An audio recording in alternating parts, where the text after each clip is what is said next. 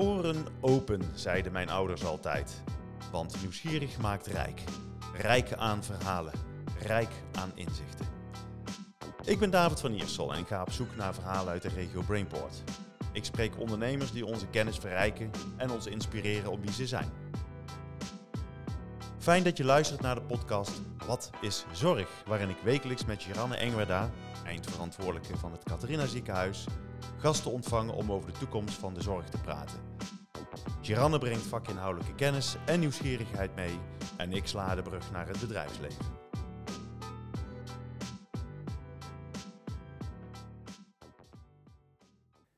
Vandaag gaan we in gesprek met Maartje Klaassen, directeur van Sarah Robotics. Welkom Maartje. Dank u. Leuk dat je er bent en u mag vooral heel snel jij zijn. Natuurlijk. um, nou, laten we eens beginnen met de vragen. Wie is Maartje Klaassen? Maartje Klaassen is een geboren en getogen Eindhovenaar. Uh, met drie kinderen inmiddels, drie jongens. nog net alle drie in basisschoolleeftijd. getrouwd. nu nog woonachtig even tijdelijk in Veldhoven, maar binnenkort weer in Eindhoven. Um, en dat is Maartje, denk ik. Ja, en je hebt hier ook je school uh, genoten dan, denk ik. Ja, ik uh, kom oorspronkelijk uit Woensel. Dus op het toen nog GSW, inmiddels is dat Stedelijk College Eindhoven. of al heel wat jaren inmiddels. GSW is denk ik ver weg voor iedereen. Um, daarna wel een tijdje naar Breda gegaan. Heb de Hoge Hotelschool gedaan. daar gaan we het vast... Ik kom straks wel op hoe ik dan uiteindelijk bij een zorgrobot ben terechtgekomen. Maar, um, en daarna het marketingvak ingerold. Um, marketingbureaus gewerkt. Um, uiteindelijk bij de financiële dienstverlener in Eindhoven, de Lage Landen, terechtgekomen. Daar zelf persoonlijk in de medische molen terechtgekomen in die periode. En toen ook een hart voor zorg uh, nog meer gekregen. En ook gedacht, ja, wat kan ik nou met wat ik kan? Um, toch voor die zorg doen. Nou, als marketeer in Eindhoven maak je dan de stap naar Philips Healthcare, vrij logisch. Heel mooi bedrijf, heel veel geleerd, maar voor mij was dat echt te groot. En ik wilde meer impact kunnen maken. En uh, zo met uh, wat omwegen ben ik bij uh, Sarah Robotics terechtgekomen. Of eigenlijk gaan doen. Gaan doen, want je hebt ja. het opgericht? Ja, met, binnen het bedrijf waar ik werkte zijn we dat op gaan richten. Dat is Brightcape, een data science club. Die ook maatschappelijke thema's oppakt. En daar zijn we Sarah, hebben we Sarah beetgepakt, zeg maar. Hè? Mm -hmm. Of in ieder geval de langdurige zorg. En wat daar de mogelijkheden toe waren met het personeelstekort. En alle uitdagingen die daar, die daar zijn. Ook al voor corona. want Sarah stamt ook al af van voor corona. Um, en zo zijn we met Sarah aan de slag gegaan. En binnen een paar maanden waren wij losgekoppeld van, uh, van Brightcape. En ben ik Sarah met het team, want ik doe dat echt niet alleen, uh, verder gaan doen. Nou, daar gaan we het zeker uh, zo ook over hebben. Ik denk dat het misschien goed is om een kleine brug te slaan naar waar jouw passie voor ja, de zorg ook van gekomen is. Want dat heeft ook best wel een, een moeilijke aanleiding gehad. Zeker. Misschien ook goed om daar iets over te vertellen. Ja hoor. Ik uh, was 32, moeder van één zoon. Uh, uh, rommelde wat met buikklachten en wilde graag een tweede kind. En dat wilde ook maar niet echt lukken. Um, en via, via medische molen uiteindelijk in het ziekenhuis terechtgekomen. Zowel bij de gynaecoloog als de maag-darm-leverarts. En daar bleek ik een, een, tumor te hebben in de dikke darm. Is dikke darmkanker. Um, en in de tussentijd bleek ik toch uh, onoverhoopt ook zwanger geworden te zijn. Maar dat liep dus allemaal een beetje door elkaar heen. Dus ik had dikke darmkanker en bleek zwanger van wat uiteindelijk bleek een tweeling te zijn. Echt alsof het niet uh, genoeg is, nee, zeg ja. maar. nou ja, zoals ik uh, nu gelukkig, acht en een half jaar later erover kan praten, is het uiteindelijk een heel mooi verhaal geworden. Maar het is wel een heftige tijd geweest. Maar wel achteraf dan? Achteraf zeker. maar het had ook zomaar kunnen zijn dat je dacht van nou, ik heb genoeg van de zorg gezien, ik ben er wel klaar mee. Maar dat Precies. is niet gebeurd bij jou. Nee, nou ja, daarvoor complimenten naar het ziekenhuis waar ik geholpen ben. In dit geval het Catharina ziekenhuis. Want die hebben mij alleen maar laten zien wat er allemaal mogelijk is in de zorg. En dat ik al niet als nummer was, maar Maartje was, met, uh, die over verschillende afdelingen geholpen werd. Hè, van gynaecoloog tot maag-darm-leverarts, tot uh, oncologie, chirurgie en uiteindelijk ook de kinderafdeling. En dat daar geen silo's waren, maar dat dat een geoliede machine was die samenwerkte, zeg maar. En dat inspireerde mij vooral. En waar, zit, waar zat die inspiratie in? Uh, gewoon de, de, samenwerking onderling of gewoon het fenomeen van een organisatie als een ziekenhuis? Um, nou, vooral het fenomeen wat, wat, er met je gebeurt als je kwetsbaar bent, zeg maar. Hè? Want Mhm. als je in het ziekenhuis komt, en dat geldt denk ik voor iedereen die daar komt, dan ben je vaak op het kwetsbaarst van je leven, in mijn geval zeker. En wa- wat je dan kan doen en wat, wa- wat je dan kan betekenen voor mensen, dat, dat is waar het hem in zit, denk ik. En hoe dat dan dit gedaan hebben, was inspirerend. En dacht je, dat moet maar dat is lang niet altijd overal zo. Dat weet je ook. En dat hoor je ook wel van omgeving, geluiden en van andere mensen. En eh, ja, dan ga je nadenken, wat kan ik met wat ik nou, hoe ik geschoold ben, wat ik nou gedaan heb, wat kan ik daar nou mee voor betekenen? Ik heb ook een broer in het sociaal domein hè, die, die daar actief is. Dus ik zat bij een financiële dienstverlener. Je denkt dan ook, ja, is dit nou wat ik bijdraag ah, als je dan zo ziek bent geweest? Eh, en eh, ik heb echt niet de dood in de ogen gekeken. Zo heb ik het niet ervaren in ieder geval, maar wel levensbedreigend ziek bent geweest. Zeker. Ehm, dat je ook gaat nadenken, ja, wat kan ik nou bijdragen nog aan de toekomst? En als je een broer hebt die daar eh, al hele mooie dingen in doet vanuit de, eh, de eh, mensen die geen huis hebben en geen baan hebben, ehm, dacht ik, ja, maar dat is tof. Ja, en dat is dan niet mijn ding, maar ik wil, daar ook, ik wil ook iets doen waarvan ik denk later, daar heb ik iets aan bijgedragen. Mooi. Dus dat is het vooral. Heel mooi, want terug naar jouw introductie. Ja. Je, je kwam van de Hoge Hotelschool af, zeg je. Eh, marketing, communicatie daarna gedaan, totaal anders. Ehm, je bent ook wel alle kanten op gegaan. Even los van wat je Ja. natuurlijk hebt meegemaakt. Maar het heeft je ook wel eh, een heel palet van eh, competenties opgeleverd. Ja, nou dat vooral. Ik pluk daar iedere dag nog de voordelen van, omdat je in heel veel verschillende keukens hebt mogen kijken. En dan heb je ook in andere sectoren geleerd en dat kan je vertalen naar wat je nu doet. Dus ik denk dat dat heel belangrijk is. Hoge Hotelschool heeft natuurlijk een hele grote marketing, communicatie, tak in zich. Dus ik ben in de, in de afstudeerfase heb ik, die, heb ik die richting al gekozen. Dus dat was nog een vrij logische. Ehm, en zo eh, in die route ben ik, eh, ben ik doorgegaan. En vanuit marketing bij Philips naar marketing bij een bedrijf wat ook dus eh, eh, eh, ehm, innovatie deed. En uiteindelijk de Zarenkar gaan trekken, maar wel vanuit een, een marketinggedreven gedachte. Mooi, want vertel eens, wat is dat dan? Een marketinggedreven gedachte? Wat, wat is jouw drive om Sarah eh, neer te zetten als merk? Ehm, nou ja, wij hebben vooral de, de, kans, de kansen gezien toen we met Sarah bezig waren. Dat we zijn eind 2019 met Sarah gestart. Door letterlijk, we hadden twee zorginstellingen gevonden in, eh, in de regio Brabant. Die zeiden, wij willen dit doen. Wij willen met jullie samen gaan kijken wat we kunnen doen aan personeelstekorten. Eh, en wij zijn toen letterlijk op de vloer gaan kijken van ja, wat zijn nou de dagdagelijkse dingen waar het personeel druk mee is. Waar is die zorgmedewerker nou zo druk mee en waar kunnen we dan bij helpen? En eh, niet al meteen met de pet sociale robotica op. We hadden hem wel in ons achterhoofd.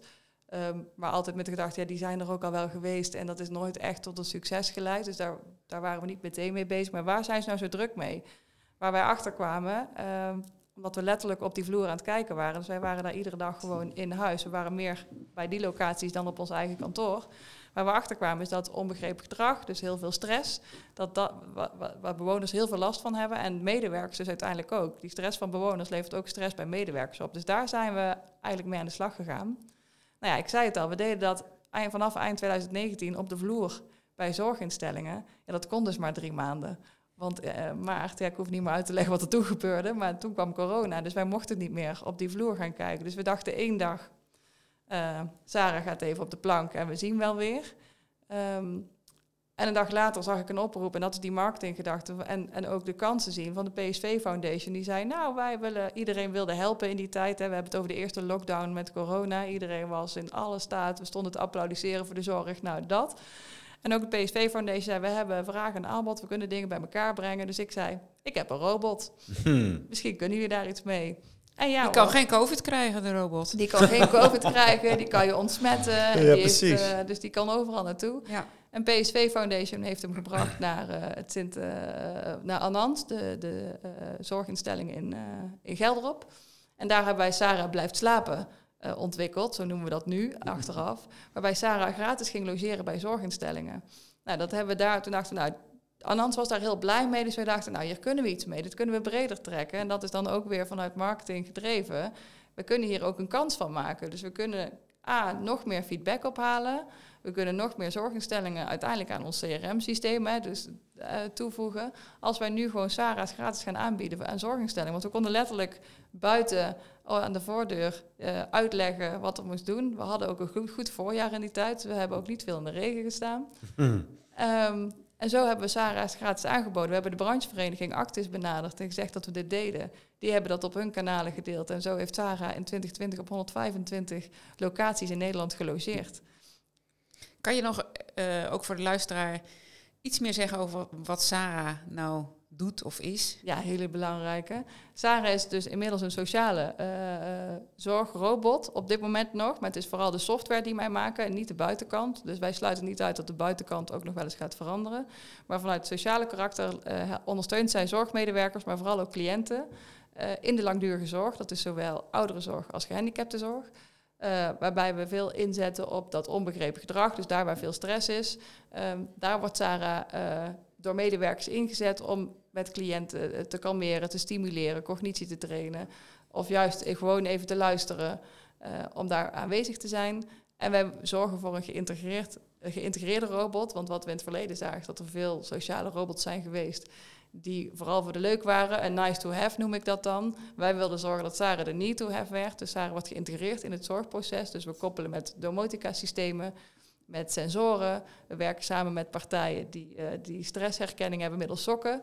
Um, zodat, sokken? Ja, je hebt een partij die heeft sokken ontwikkeld waar een sensor in zit uh, die via huidgeleiding stress kan herkennen. ja, er is ook een eind Die wil ik ook, die sokken.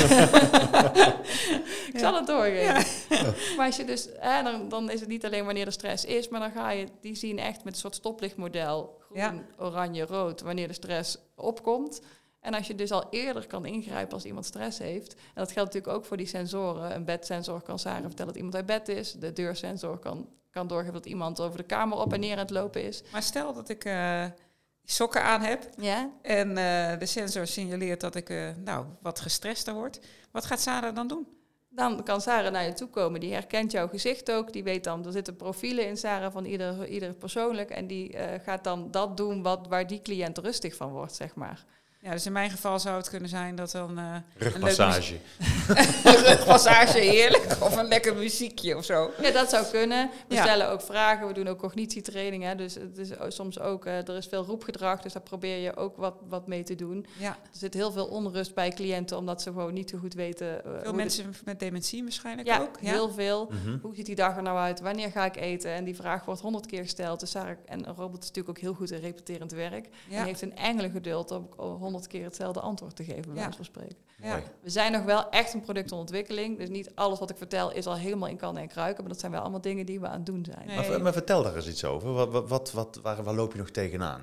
Het zijn de kinderziektes van, uh, van uh, Sarah. Ja, we zijn gewoon, we, we hebben, zoals ik al zei, zoals we toen begonnen zijn, zo werken we eigenlijk nog steeds. Hè. Dus we werken nog steeds door op de vloer samen met zorginstellingen Sarah steeds verder te ontwikkelen. Dus je begint Een zorgmedewerker zegt tegen mij, oh, Sarah moet kunnen rijden. Ja, maar als hij moet kunnen rijden, moet hij ook iets kunnen doen. Want anders rijdt hij ergens heen. Als hij dan niks kan, heb je ook niks aan een rijdende robot, zeg maar.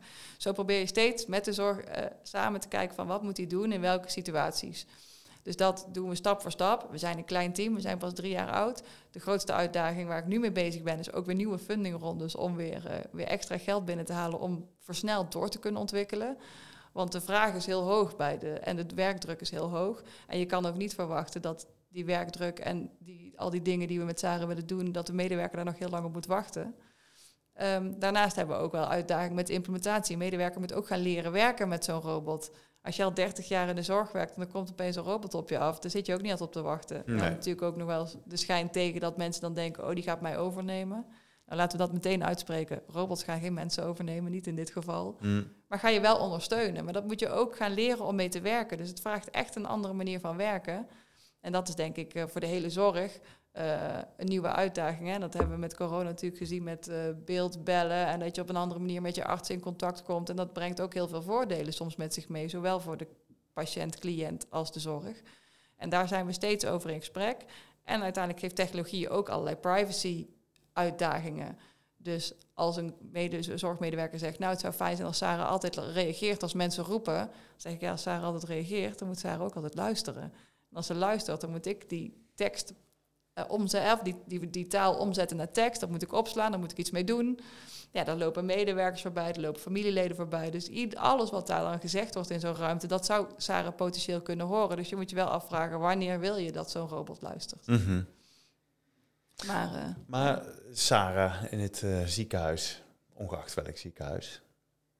Ja, daar zit ik wel een beetje over na te denken. Want ik, ik kan uh, komen inderdaad beelden bij mij voorbij in de standelijk gehandicaptenzorg, waar ik ook een tijdje gewerkt heb. Ook veel mensen met moeilijk verstaanbaar gedrag. Ja. Eh, nou, dan kan je het misschien ook echt wel leuk maken. Ook voor jonge mensen misschien. Dat is een heel, heel andere doelgroep dan mensen met dementie. Ja. Maar in het ziekenhuis... ik zie jou knikken, dat horen de luisteraars niet. Maar Nee, ik, ja, ik kan het zo niet bedenken, maar misschien heb jij daar fantasieën bij. Nou ja, ik denk dat je in het ziekenhuis toch gauw weer op die nice to have komt. Dan is het soms leuk, Mhm. maar is het niet de noodzaak. Hè? Want het ziekenhuis bij- wil je toch allemaal zo snel mogelijk weer weg. Dat Ja. is, hè? eh, Ja. En dat is echt anders dan waar, wanneer je, waar je ergens leeft. En waar mensen gewoon met andere uitdagingen eh, zitten. We kijken wel ook, en we zien ook dat je met Sarah meer kan bewegen. Dus er zijn wel mogelijkheden rondom revalidatie. Maar daar zijn wij nu op dit moment nog niet mee bezig. Ehm, maar voor het ziekenhuis is het al snel een nice to have. Ik heb wel eens gesprekken met eh, collega's binnen het Catharina ziekenhuis. Want er staat ook een robot ergens in een kast, heb ik begrepen. En ik heb wel eens gekscherend gezegd, daar kan ik een Sarah van maken. Want wat ik zei, hè, die hardware is voor ons niet belangrijk. Dan komt die misschien weer uit de kast. Maar dat is dan het doel, omdat je toch wel iets hebt en daar toch iets mee te doen. Maar voor het ziekenhuis zien wij op dit moment ook niet de... de, Maar, de maar, maar goed, ik, ik, ik ben niet eh, vanuit de zorg, maar ik, heb wel een, ben een beelddenker. Hè? Dus ik, Ja? ik, schets even een plaatje hier. Ehm, we hebben hier, eh notabene in het restaurant van hier op Strijp Thee, hebben we een robot. Dus Ja. als het daar te druk wordt, dan wordt mijn broodje en mijn eh, glaasje jus d'orange of wat, het, wat, wat, wat je dan ook hebt, wordt dan netjes door een robot bezorgd. Ja. En dan krijg je een leuk muziekje en dan, eh, oké, pak je het eraf en dan zeg je weer dankjewel. En dan rijdt hij weer terug naar de keuken. Ehm, ik kan me zo voorstellen om de werkdruk in het ziekenhuis. ehm, ik kan me voorstellen als ik met mijn, eh, met mijn gebroken been, met mijn eh, poten eh, omhoog zit. En er komt mijn lunch aan. En ik kan me voorstellen dat personeel in het ziekenhuis, dat, dat kost ook tijd.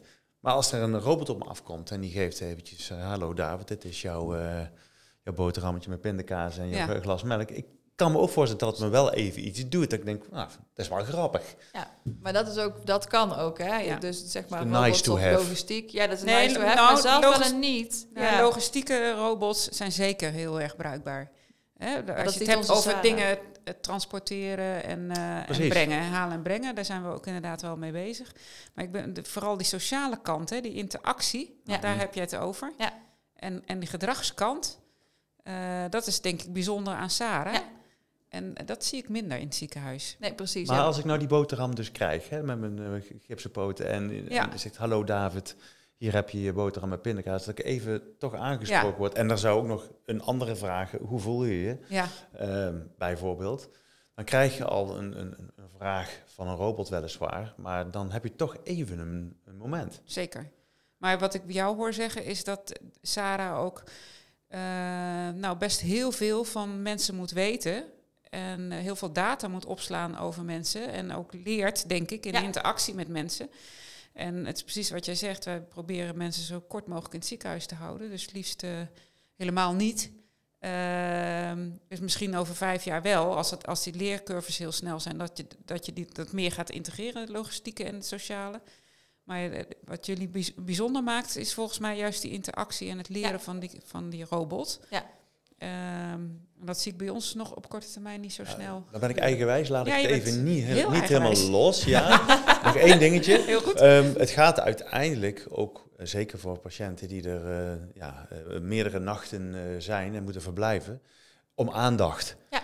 En die aandacht kan niet altijd volledig gegeven worden. Ik kan me voorstellen dat er ook een categorie patiënten zijn die misschien niet meer, ja, als ik mijn, mijn, mijn gebroken been daar, ja, ik hoef niet meer zo heel veel zorg te hebben, behalve dat ik af en toe eh, eh, wat eten en drinken moet hebben. Dan is dat toch een vorm van aandacht. Want er zijn Ja. volgens mij veel eh, patiënten in het ziekenhuis die in die categorie behoren. Ja.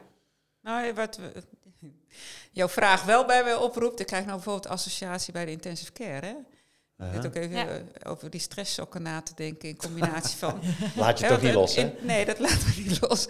Die- Zo'n intensive care opname weet inmiddels ook van hoe eh, stressvol dat is en wat Ja. dat met mensen doet als ze ook daar weer gelukkig eh, weer van afkomen. Mhm.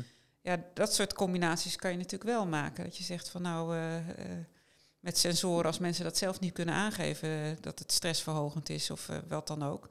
In combinatie met eh, sociale Ja. eh, interventies. Dat zou wel, eh, dat zou wel een mogelijkheid kunnen zijn. En dat is dan, dan hoeft het ook niet altijd meer een robot te zijn, hè? Want dat is, wij heten Sarah, of, of bij de Kamer van Koophandel ben ik gewoon Sarah BV.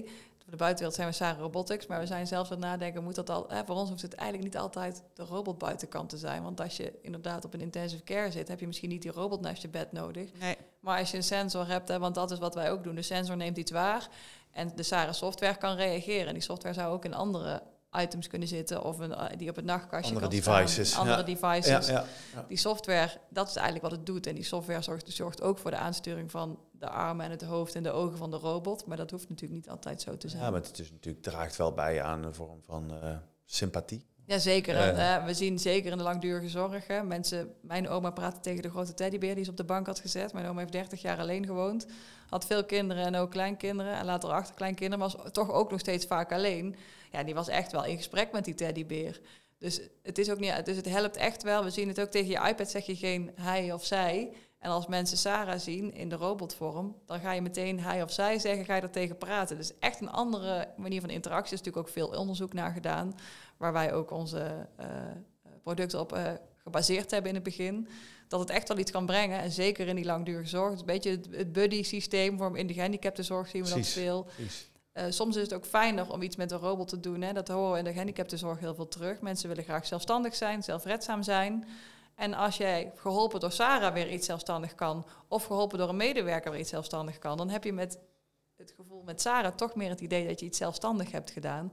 En als je afhankelijk bent van de medewerker, dan kan je het niet doen wanneer jij dat wil dat je het kan doen. Hè. Dus dan ben je, ben je te afhankelijk en voelt het toch als dat je daarin een afhankelijkheid hebt. Ja, ik denk dat het toch van toegevoegde waarde. Sterker nog, eh, ik, nou draaf ik echt door. Ehm, het zou, je zou ook een, een, een ander component nog eraan kunnen toevoegen. En dat is gamification. Je, Ja. Het is ook goed om eh, patiënten die misschien net eh, een behandeling hebben gehad, eh, of kinderen, eh, te kun, kunnen bedienen met, eh, met, met, met breinspelletjes. Of je ze- ze toch op een bepaalde manier even scherp te houden. Ja, zeker. En ik, eh, dat hoeft niet altijd de vraag te zijn van hoe is het met je? Hè? Dat is natuurlijk, eh, natuurlijk heel fijn. Maar het is ook hoe is het met je en vind je het leuk om even een spelletje te spelen? Waar hou je van? Een potje schaken of weet ik veel wat. Dat, al is het maar dat je tien minuten even eh, je brein aanzet. Nou, Ik- denk daarin, eh, als eh, eh, met mijn medisch verleden ben ik ook ambassadeur van het Catharina Onderzoeksfonds geworden. Daar zitten hele mooie onderzoeken bij, die ook hè, dat bewegen van tevoren maar, en bewegen na een operatie bijvoorbeeld heel belangrijk zijn voor je herstel. Hè. En daarin, dat zien we ook in de thuiszorg, waar we wat pilots hebben gedraaid, dat zo'n software, in welke vorm dan ook, jou wel kan triggeren om die beweging vaker te doen. Hè. Dus, want als iemand uit zichzelf, of dus de software, en in dit geval Sarah, tegen jou zegt, zullen we even gaan bewegen? Dan doe je dat eerder als wanneer je het in je achterhoofd hebt. Oh ja, ik moet die oefeningen doen. Oh ja, ik moet gaan bewegen. Ik moet dat gaan doen. Of iemand zegt nu, in dit geval de robot, zullen we even gaan bewegen? Dan ga je dat vaker doen. En daar zijn de resultaten tot op heden positief van. Dus er zijn Zeker. echt wel mooie dingen nog te bedenken. Ja, breintraining, even een beetje beweging, een soort van ochtendgymnastiek vanuit het bed, bij wijze van spreken. Ja, ik Mag ik nog een vraag stellen? Want je zei dat Mooi. tussen neus en lippen eh, even over eh, eh, de zorgmedewerkers en dat het bedreigend kan zijn. En Ja. Eh, ehm, nou, dat is natuurlijk ook een van de uitdagingen, hè, dat we meer moeten doen met dezelfde hoeveelheid mensen. Er komen niet meer mensen bij. Nee. Ehm, wat kunnen wij doen met elkaar om, om te zorgen dat, eh, ja, dat dit soort nieuwe technologie op een goede manier gebruikt gaat worden en dat ook onze professionals eh, geholpen worden in, eh, in het leren gebruiken. Heb je daar een opvatting over?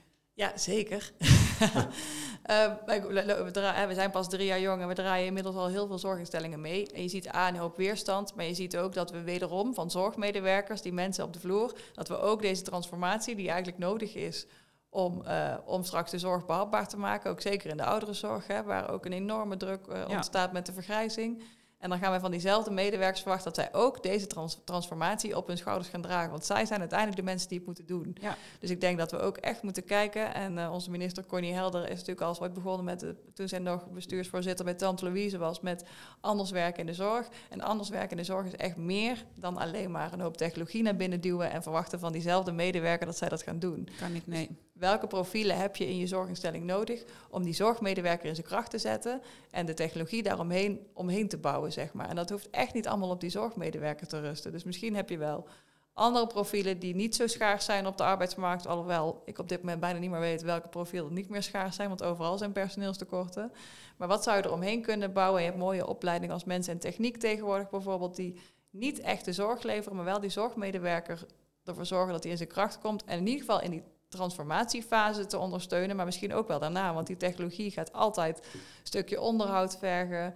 Uh, het gaat een, echt een andere manier van werken zijn. Ja, maar de, mijn vraag zou ook wel zijn, wat kunnen we doen aan de technologische ontwikkeling om het voor mensen die daar niet zo uh, uh, op gefocust zijn, heel intuïtief te maken?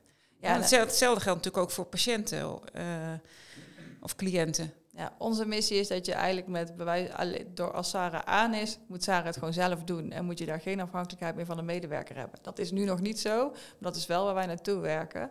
Dus ah, het moet echt super, super, super, super simpel zijn en dan nog simpeler, zeg maar. Hè? Dus zo eenvoudig moet het zijn. Dus bij wijze van spreken met één druk op de knop van ik heb nu druk en ik heb de hulp van Sarah nodig. Je zet Sarah aan en Sarah gaat gewoon doen wat jij wil dat hij doet, zeg maar.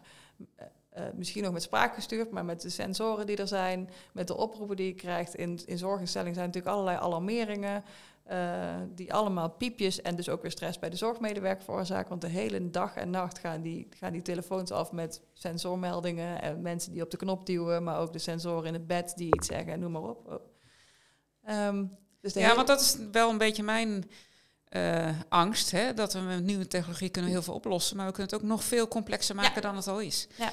En uh, je wil juist voor de grote groepen uh, dat het helpt. Ja. Um, en dat het betaalbaar is ook.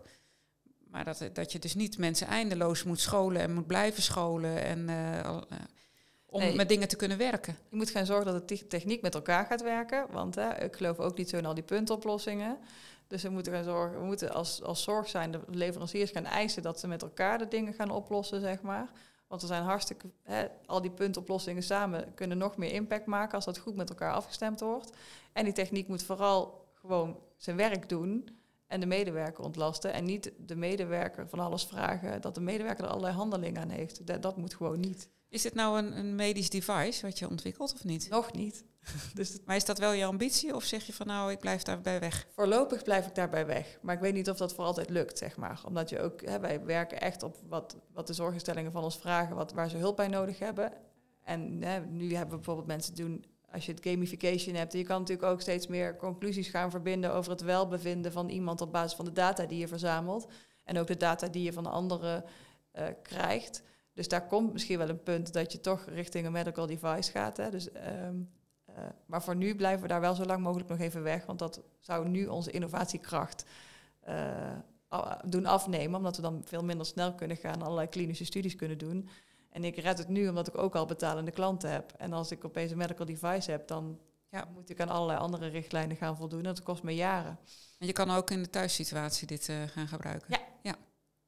Dat is wel de bedoeling. Nu is de device nog groot, dus we zijn nu aan het onderzoeken met nieuwe devices die wat makkelijker in de thuis, wat handzamer zijn in de thuissituatie kunnen werken. En denk ook aan wat je dan de mantelzorger kan brengen. En zeg maar gewoon leefstijlmonitoring zonder dat je al heel... Uh, een eenzaamheid voor uh, ouderen. Ja. ja, eenzaamheid, maar ook... Ja, ja, ik zei, ik, ik, probeer wel eens te na te denken... mijn vader heeft twee herseninfarcten gehad... is nog steeds gelukkig getrouwd bij mijn moeder... maar wat als ze gescheiden waren geweest? In welke situatie had ik dan gezeten als mantelzorger? Wil ik toch weten, is, is hij uit bed gekomen s ochtends? Zeker die eerste weken na zo'n... Uh, en um, uh, je hebt allerlei sensoren die ook de luchtkwaliteit kunnen meten. Dus is het gas, als je iemand hebt met dementie die dadelijk langer thuis moet blijven wonen, is het gas niet aan blijven staan. Dat soort dingen. Die kan je op afstand meten, waardoor een mantelzorg misschien niet meer uh, vier keer per dag er naartoe moet. En dan denk je, ja, maar het is toch fijn voor die bewoner als die vier keer, als die vier keer heel snel komt. Of hij komt twee keer gewoon s ochtends of s middags en s avonds gewoon wat uitgebreider. Dan ga je de kwaliteit van de bezoeken veel meer uh, bevorderen. Hoe ga je opschalen? Want het klinkt heel erg goed. Het klinkt eigenlijk ook bijna logisch. Zou ik en ook wel breed en complex, vind ik hoor. Ja, ja zeker. Je brengt heel veel dingen bij elkaar. Ja, ja. Dat is wel een uitdaging. Zeker. Dus daarom is focus belangrijk. Hè? Dus wij focussen ons nu echt op die intramurale setting, op de langdurige zorg. Wel de gehandicaptenzorg en de ouderenzorg, omdat we daar zien dat de technische dingen die nodig zijn hetzelfde zijn. De manier waarop zij het inzetten is iets anders, maar voor ons in de ontwikkeling maakt het niet zoveel uit. Thuiszorg is eh, een palet wat we daar, daarnaast aan het onderzoeken zijn, maar echt nog niet onze focus op hebben liggen. We blijven ons echt nog even focussen op dat wat we nu doen, nog beter te doen om die intramorale setting goed te ondersteunen. Um, dus focus is het allerbelangrijkste en funding ophalen en de juiste partners vinden om dit samen mee te doen. Hoeveel heb je nodig? Op dit moment heb ik een miljoen euro nodig. En daar ga je besteden aan uh, R&D of wat ga, je, wat ga je eraan doen? Deel R&D en een stuk ook uh, onze sales verder kunnen uitbreiden. We hebben nu 15 klanten. We hadden het net al over dat het ook veel tijd kost om medewerkers hè, met Sarah te leren werken. Dus wij, met 15 klanten zijn wij eigenlijk nu uh, full zeg maar. Hè. We kunnen er niet meer heel veel bij hebben. we hebben wel meer klanten nodig om uiteindelijk uh, door te kunnen groeien als bedrijf. Um, dus om extra implementatiekracht en samenwerkingspartners in te zoeken. Dus we zoeken wel ook, we zoeken niet alleen een miljoen euro, we zoeken eigenlijk een strategische partner mm die uh, al de zorg al kent. Wij komen voort uit een ander bedrijf wat meer een detacheringsclub is. Dat is echt, wij zijn een productontwikkeling in de zorg. Dus dat is echt een andere tak van sport. Dus een strategische partner zoeken wij eigenlijk. Mhm. En als die dan wat geld hebben, zou dat heel fijn zijn. Die moeten gewoon wat geld hebben, hoor ja. zeggen. Ja. Anders zijn ze geen strategische partner. Nee, nee, ja, ook op andere vlakken kan je natuurlijk strategische partners... Hè, die, die, die, dat bedrijf wat die sokken uh, heeft ontwikkeld, dus ook een start-up... dus die gaan ons geen geld brengen. Maar we hebben wel vanuit strategische route gekozen... om met elkaar samen te werken. Want het is gewoon een heel logisch gevolg... dat als je stress kan herkennen... dat je er ook iets mee kan doen met technologie... Dus dat je niet alleen de stressmeldingen bij de medewerker neer gaat zetten, maar ook bij Sarah neer kan leggen. Heb je nou concurrenten? Jazeker, maar die zijn breder dan, dan robotica. Uh, maar ik zie de meeste robotbedrijven nog steeds niet als concurrent. Want als anderen het goed doen, heb ik daar ook profijt van. We zijn niet met zo heel veel in het land. Je hebt, zeg maar, ik noem maar even de traditionele dozenschuivers. Die halen de robots uit het buitenland en uh, doen daar niet zoveel met software mee en die zetten hem door. Wij halen onze robots ook uit het buitenland, maar wij maken echt die vertaalslag om daar echt specifieke intuïtieve software voor te maken, zodat de medewerker en de cliënt daar gewoon uh, mee aan de slag kan zonder dat het heel ingewikkeld is. En die zijn er wat minder. En als die het maar goed doen, heb ik daar ook profijt van. Als anderen het niet goed doen, dan heb ik daar last van, zeg maar. Dus we moeten als bedrijven gewoon vooral samen de juiste dingen doen. Wij gaan uh, langzaam, maar zeker richting het slot. Het grappige is dat de klok uh, eigenlijk helemaal nooit heeft aangestaan, maar dat ik toevallig op mijn horloge had gekeken. maar we gaan richting het slot. Maar ik wil nog één laatste vraag uh, stellen. Waar sta je over vijf jaar met Sarah en jezelf misschien wel? Ach, nou, dat is een goede vraag. Nou, ik, dat, dat is beide wel in elkaar verweven hoor. Zonder Sarah en ik zijn inmiddels helemaal getrouwd met elkaar. Dus dat gaat niet meer zomaar stuk. Um, uh, dus als gezin zijn we hartstikke happy in Eindhoven en uh, heb ik inmiddels puberkinderen. Dat is dan een beetje waar we staan. Um, met Sarah zijn we een platform geworden wat, uh, wat in de langdurige zorg gewoon niet meer weg te denken is. En echt ondersteuning biedt aan medewerkers, geïntegreerd in het zorgproces. met de nodige bewijsvoering, zodat de zorgkantoren daar uiteindelijk financiering voor gaan vinden. Zodat het niet meer uit de innovatiepotjes hoeft. Precies. Want die moeten weer voor nieuwe innovaties zijn. Nou, gaan we dan tegen die tijd nog een keer met elkaar in gesprek Lijkt me een goed idee. Ja, toch? Dank voor je komst in deze podcast. Tot zover deze aflevering van Wat is Zorg? Dank voor het luisteren. Blijf ons volgen op LinkedIn en Instagram en deel vooral je luisterervaring, zodat ook jij anderen inspireert.